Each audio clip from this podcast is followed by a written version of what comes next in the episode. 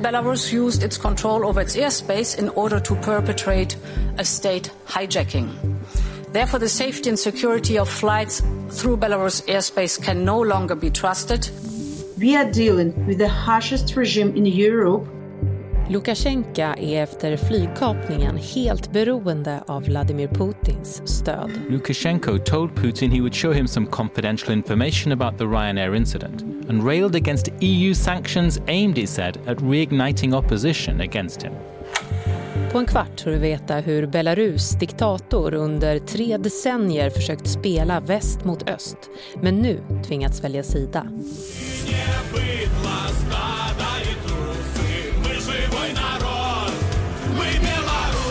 Det är onsdag den 2 juni. Jag heter Karin Bülow Orje och du lyssnar till Dagens Story från Svenska Dagbladet.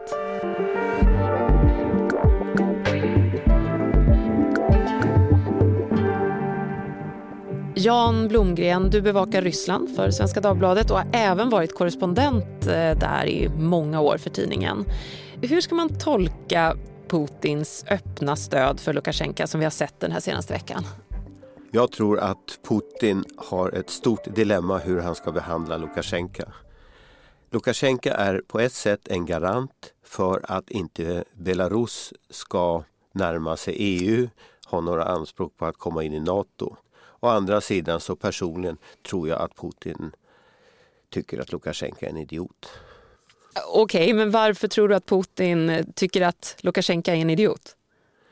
Ja, jag kanske tog i, men det, den personliga relationen har aldrig varit särskilt bra mellan dem.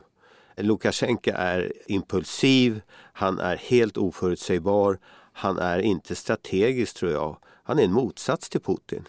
Även om de agerar på liknande sätt gentemot oppositionen så är det väsensskilda människor. Men länderna är beroende av varandra. Hur viktigt är Ryssland för Belarus och vice versa? Ryssland är oerhört viktigt för Belarus ur ekonomisk synpunkt. För Ryssland är Belarus fantastiskt viktigt ur geopolitisk eh, synpunkt. Ja, Ryssland och Belarus har och är på många punkter tätt sammanflätade. Lukasjenko har dock försökt hålla en mer självständig linje gentemot Ryssland. Men när han träffade Putin så sent som i fredags så var ämnet för dagen inte flygkapningen utan hur länderna ska närma sig varann ytterligare. Belarusian President Alexander Lukashenko has told Russia's Vladimir Putin that the West is trying to destabilize his country. Enligt säkerhetspolitiska bedömare så passar Putin nämligen på att utnyttja kritiken och sanktionerna från omvärlden efter flygkapningen för att knyta till sig Belarus än mer. Så hur länge till kan Lukasjenko värna Belarus självständighet gentemot Ryssland nu när han har hela väst emot sig? Ja, det återstår att se. Men vi ska inte tro att Lukasjenko är en eh, spratteldocka i Putins händer. Efter sommarens eh, demonstrationer och eh, trycket var oerhört hårt på Lukasjenko så har Putin och Lukasjenko träffats var fjärde gången nu den gångna helgen som de träffades. Och så vitt jag vet, på de första tre mötena i alla fall, så hade inte Putin fått igenom kravet och önskemålet om en militärbas i Belarus. Ryska affärsmän hade inte lyckats köpa sig in i statliga vitryska företag.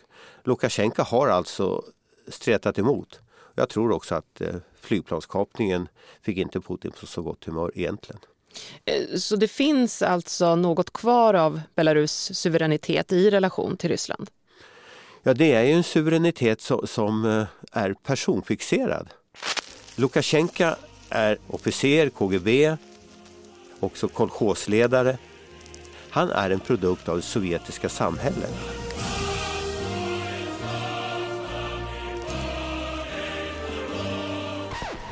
han har ju i, i ryggmärgen ett motstånd mot USA och mot Nato. Så att eh, på det sättet är han ju otroligt eh, bekväm för Putin. Men han gör ändå som han vill till syvende och sist? Eller? Inte allting, men han är inte totalt styrd av Putin. Det tror inte jag. Men hur blev då Belarus Europas sista diktatur? Vad var det som hände där efter kalla kriget och Sovjets upplösning? Ja, då ska vi ju kanske titta på de länder som ligger väst om Ryssland. Om vi börjar uppifrån så det, har vi Estland, Lettland, Litauen som eh, efter att Gorbatjov blev sovjetisk ledare 1985 och hade glasnost, öppenhet, perestrojka, omdaning som nyckelord och arbetade för en viss demokratisering så var det ju baltstaterna som först av alla anammade det här och ville ta chansen. Och eh, det var ju också de första som bröt sig ur. Så att redan hösten 1991 så förklarade de sig självständiga. What is now going to happen with Lithuania? What do you think? It's difficult to say. What do you expect? I see darkness. Går vi neråt så har vi sen Belarus och sen kommer Ukraina. I Ukraina har det funnits frihetssträvanden. De blev ju självständiga men de har också velat bryta den här nära kontakten och beroendet av Moskva länge. Orangea revolutionen 2004 var ett, ett första tecknet och då fick Ukraina en, en reformvänlig president, Viktor Jusjenko, som satt fram till 2010 och då avlöstes han utav ryssvänlig Janukovyč. Och Janukovyč störtade sen, Ryssland reagerade direkt. Vi fick eh, kriget i östra Ukraina och vi fick annekteringen utav Krim. God morgon. Vi konstaterar att konflikten mellan Ryssland och Ukraina har börjat kallas för ett nytt kallt krig. Men Ukraina har ju haft det här frihetstänket en längre tid. Och sen det sjätte landet om vi går söderut då, det är Moldavien. Och Moldavien är ju i, i, idag i en, tycker jag, väldigt spännande situation. I december 2020 så fick landet en ny president, en ung kvinna, Mala Sandu och eh, gick till val på att närma sig EU och eh, arbeta mot korruptionen. Så att hon har öppet talat om vad hon har för strävanden. Och det intressanta ska ju bli att se hur Putin reagerar. Men varför valde Belarus, Lukasjenko då att eh, kvarstå som en diktatur när flera andra av de här tidigare Sovjetstaterna som du listar allierade sig med väst och inledde demokratiseringsprocesser? Jag tolkar det som att det är en personfråga. Lukasjenko har då Sovjetmentaliteten och han har suttit som president i 27 år. Så att han har på samma sätt som Putin efter han kom till makten 2000 tryckt ner all opposition. Och han valde sitt fritt val 94 och gick till val på att han skulle bekämpa korruptionen. Men det tog bara ett par år innan vi såg att han var en diktator. Han ändrade lagar och har undan för undan ökat trycket på oppositionella. Så han, det har inte funnits någon grogrund för att den eh, belarusiska oppositionen ska växa. Så att jag uppfattade det som hände i somras, sommaren 2020, som en pånyttfödelse av ett politiskt intresse. Eh, ett engagemang som jag inte har upplevt under mina år eh, i, i Belarus. Och Putin har stöttat eh, Lukasjenko för att Belarus fungerar som någon slags stoppkloss mot väst då? Ja, och eh, ska vi förstå varför så tycker jag att då ska vi titta lite på utvecklingen. Under det kalla kriget, Moskva grundade Warszawapakten 1955 som ett resultat på att USA bildade NATO. Och Warszawapakten, då hade Moskva då Tjeckoslovakien, Östtyskland, Polen, Ungern, Bulgarien, Rumänien som en yttre sköld mot väst, mot NATO. Sen upplöstes Warszawapakten 1991. Då försvann den yttre skölden. Samma år eh, Gorbatjov avgick eh, på juldagen 1991. Sovjetunionen upplöstes. Och då försvann, då blev 15 delrepubliker blev självständiga.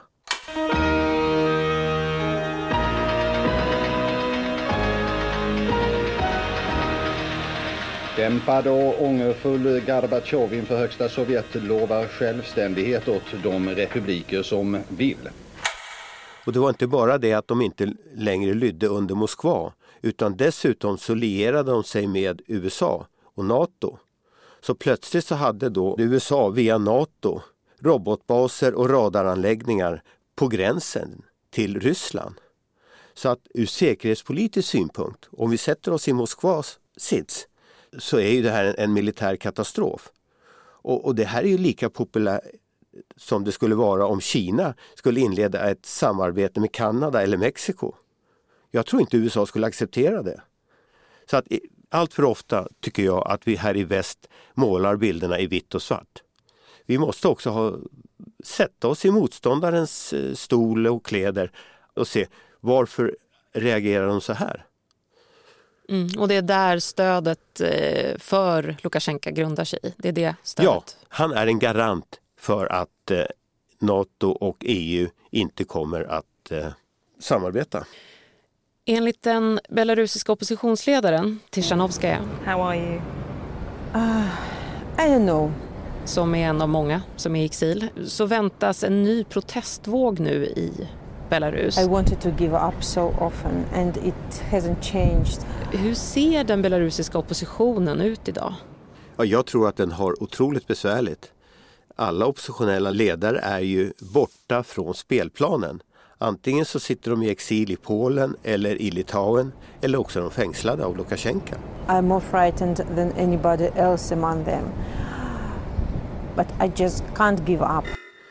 Så att vad oppositionen har haft kvar är ju eh, nätet och via internet sprida sin information. Och det är i det perspektivet vi ska se den här dramatiska flygkapningen. Roman eh, Protasevich var ju en, en ledande figur i det här nätverket. Organisationen av det politiska motståndet på nätet. Och därför var han så hatad utav Lukasjenko. Hur ser Putin då på demokratirörelsen och protesterna i Belarus? Han är självklart jätteorolig. För Putin var det en chock under orangea revolutionen 2004 i Ukraina att ett folkligt uppror kunde störta en, en ledare. Och egentligen var det det som var avstampet till att Putin blev allt hårdare mot eh, den politiska oppositionen. Han är livrädd för den. Att det ska spilla över på Ryssland? Ja, och att det, att det ska visa sig att det, det fungerar. Om, om folket är tillräckligt enat och tillräckligt envist så lönar det sig. Och det vill han till varje pris undvika. EU har ju infört en rad sanktioner igen mot Belarus efter flygkapningen. Kan de få några egentliga effekter? Nej, i dagsläget tror jag inte på det. EU har ju infört sanktioner till och från här de senaste tio åren i alla fall. Nej, det tror jag inte. Men finns det då något land eller någon sanktion som skulle kunna påverka Belarus in i en mer demokratisk riktning? Under normala förhållanden så, så, så borde det vara så. Men jag tror Lukasjenkos personlighet gör att det inte kommer att lyckas. Han verkar väldigt speciell. Han är mycket speciell, det är han. Eh, jag har sett honom spela ishockey i Lutjniki-stadion i Moskva. Han är halvhygglig skridskoåkare. Han har inget spelsinne. Han är fruktansvärt egoistisk. Slår aldrig en passning. Utan han placerade sig framför mål och sen skulle han helst inte ha någon, någon back som försvarade så att han kunde göra mål. Och det är han. Han är otroligt egotrippad. Och eh, har nu hamnat i en, i en situation, i en återvändsgränd egentligen. Att det är svårt att se hur han ska komma ur det här på något sätt för nu är hans förtroende så underminerat i Belarus. Nej, ännu tycks Lukasjenko inte ha påverkats av reaktionerna på förra veckans flygkapning. Vare sig Joe Bidens hot om åtgärder, nya sanktioner eller EUs flygförbud över landet tycks få honom att släppa journalisten och regimkritiken Protasevich och hans flickvän Sapega som båda greps ombord på planet. Men frågan är hur länge och om Lukasjenko kommer att kunna klamra sig fast vid makten i det långa loppet. När det gäller ersättare, skulle inte Putin kunna tänka sig att ta bort handen ifrån Lukasjenko och, och stötta en icke-diktatortyp men ändå en som har goda relationer till Ryssland och inte vill gå med i Nato till exempel eller öppna upp mot jag tror att, EU? Jag tror att det är Putins drömlösning. Och eh, det är därför jag pratade om, om Moldavien som intressant. Jag tror inte att, att den nya presidenten i Moldavien kommer att vara särskilt NATO-vänlig. Men närma sig EU är en sak. Men där beror det också på hur mycket USA trycker på för att störta Lukasjenko. Om, USA har samma starka inblandning som de hade 2014 i Ukraina så tror jag att Putin kommer att ha svårare att acceptera en, ett, ett, en ersättare. Men eh, förhoppningen och jag tror Putins ideallösning det är ju att få en, en, en, en ny president som folket kan acceptera men som ändå inser betydelsen av att behålla de ekonomiska relationerna med, med Ryssland och inte ha ambitionen att gå in i Nato så fort som möjligt. Tack Jan Blomgren för att du var med i Dagens Story. Tack. Du kan naturligtvis läsa mer om flygkapningen och Belarus på svd.se. Och nu kan du som lyssnar på Dagens Story testa SvD Digital Premium gratis en månad. Du får tillgång till allt på svd.se och den digitala tidningen. Och du kan dela prenumerationen med fem familjemedlemmar. Gå in på svd.se prova.